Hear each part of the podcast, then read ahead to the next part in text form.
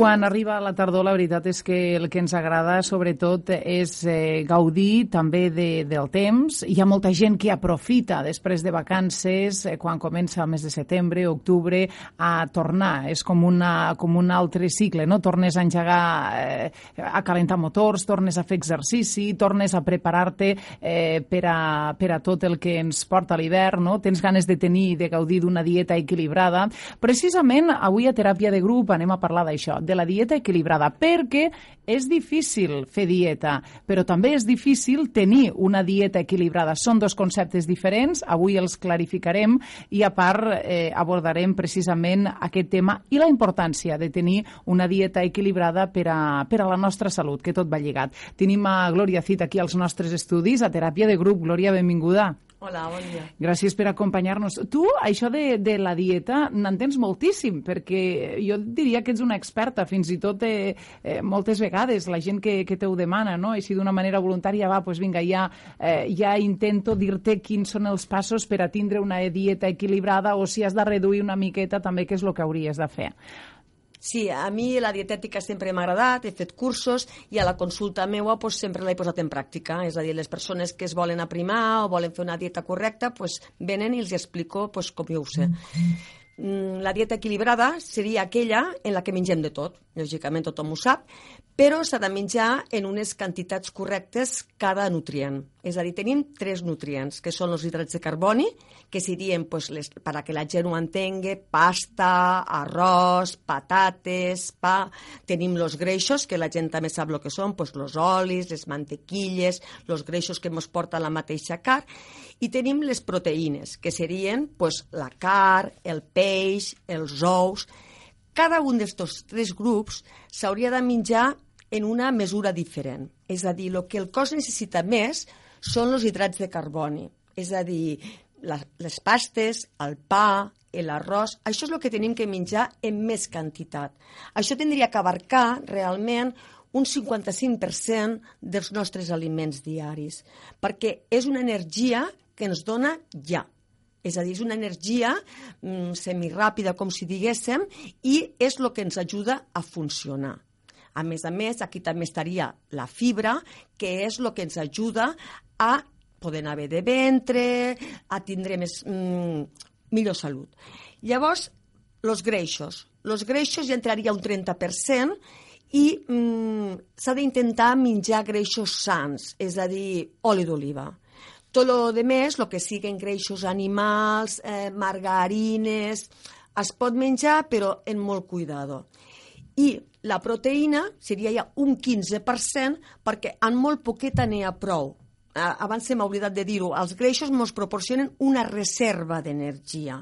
I el que és la proteïna, que són la car, els ous, el peix, el que fan és que ens ajuden en la regeneració dels teixits. És a dir, la proteïna, per exemple, si una persona té a un abuelo enllitat i que té, comença a fer llagues o no n'ha fet encara, és molt important que quan els hi fan els purés, els hi posen o un ou triturat o una aleta de pollastre o una miqueta de peix blanc perquè ajuda amb la regeneració dels teixits. Mm -hmm. Molt bé, estaves parlant de, dels greixos, has parlat dels hidrats de carbó i has parlat també d'aquesta proteïna. Tot és important en, en, en, en una dieta equilibrada, o sigui, s'ha de tindre tot, perquè clar, hi ha molta gent que fa mm, de, pa no de pa no se n'ha de menjar, que el pa engordix molt, que el pa engreixa, no? Suposo que això depèn de, de la quantitat en què cadascú se'n menja, no? Clar, és el que t'he dit abans, s'ha de menjar tot en la mesura correcta, però s'ha de menjar de tot. A vegades hi ha gent que fa dietes només de proteïnes, i, a veure, és, són dietes molt limitades que es poden fer durant una temporada, però realment dietes sanes, sanes no ho són, perquè et priva d'altres nutrients i llavors pues, et fan falta. Has dit una cosa important que també és l'oli d'oliva, sobretot l'oli d'oliva, i a més a més nosaltres aquí que en som productors...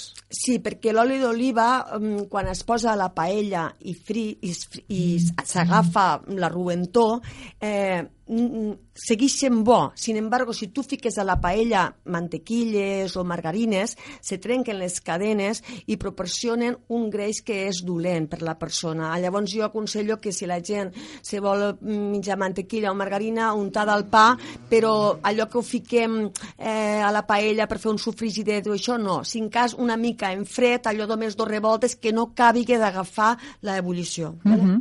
D'altra banda, el tema de la llet, el tema dels làctics, eh, moltes vegades, eh, aquí n'hem sentit parlar també, perquè teníem un espai de, de naturopatia en la, que, en la que parlàvem de, de la llet, de si és beneficiosa o no és beneficiosa la llet. Hi ha, eh, hi ha moltes històries no, relacionades amb la llet. Sí, bueno, la llet té unes etapes de la vida en què és més necessària que unes altres, sobretot en els nens petits, necessiten pues, veure's cada dia dos gots de llet bons i un parell de iogurts.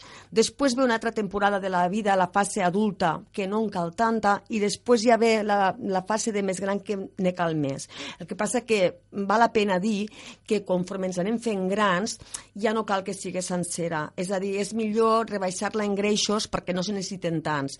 I val la pena semidesnatada o desnatada. O bé, també el que ara està molt de moda és la llet de soja perquè ajuda sobre sobre, sobretot a les dones menopàusiques en, la, en els estrògens. És a dir, el que fa la llet de soja és que regula la producció d'estrògens. És a dir, que si una persona menopàusica té disminució d'estrògens, de producció, la incrementa. I si una persona més jove eh, té massa producció, la ralentitza. És a dir, té un efecte prou important. Mm -hmm. Molt bé. Eh, per què és tan important una dieta equilibrada per la nostra salut? Pues pel que t'estava dient abans, perquè per a poder funcionar i tindre l'energia necessària necessitem tindre l'energia del moment, tindre unes reserves d'energia a nivell de greixos i tindre una renovació de teixits. Per tant, si no mengem gens de proteïna, doncs mal pels teixits. Si no mengem res de greix, no tenim reserva. I la major part té que ser hidrats de carboni. Pa, arròs... De vegades el que passa és que a la zona nostra es menja massa proteïna. És a dir, se tendix a fer, per exemple, macarrons, que ja es fan en car, per exemple, després un trosset de car i després la fruita. Eh, jo crec que si ja se mengen macarrons que ja porten car picada, la car ja sobra, perquè si hem comentat antes que les proteïnes en un 15% tenim prou, en menjar car dos cops a la setmana ja sobra, i per una menjada que no mengéssim car o peix no passa absolutament res. És com el número d'ous, ous a la setmana màxim 4, perquè l'ou és molt ric en colesterol i màxim 3-4. Uh -huh.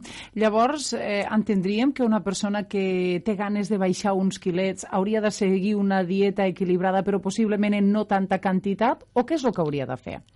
Bé, lo, quan ja entrem en el tema de dieta hipocalòrica ja canvia, perquè les persones, conforme ens anem fent grans, desgraciadament necessitem menys calories. És a dir, quan passes dels 40 ja te redueixen un 5%, quan passes del 50 un 10%, i es van reduint només per l'edat. Lògicament, perquè aquesta edat va molt lligada al grau d'activitat física. Les persones, quan jo a la consulta les, les hi calculo el número de calories que necessiten, me baso en lo pes de la persona perquè, clar, no és el mateix una persona que pesa 120 quilos que una que en pesa 50. Una persona que pesa 120 quilos, per desplaçar-se necessita més energia. Per tant, necessita més menjar que la de 50.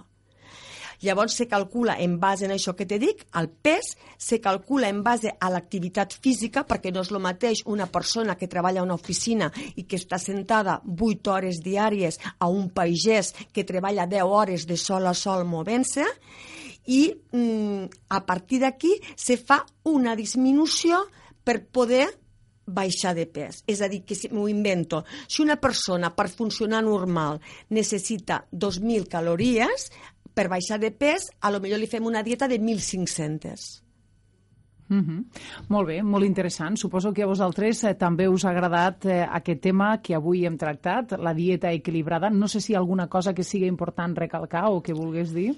Mm, pues ara en este moment no... Jo crec que, que ja ho hem dit eh, tot molt ben explicat. Teràpia de grup és l'espai que us ofereix eh, Gloria Cid aquí a la Plana Ràdio, col·labora amb nosaltres i ja sabeu que ella també té una consulta per si necessiteu realitzar algun tipus de, de teràpia o algun tipus d'assessorament. Fins la propera setmana, Glòria. Adéu.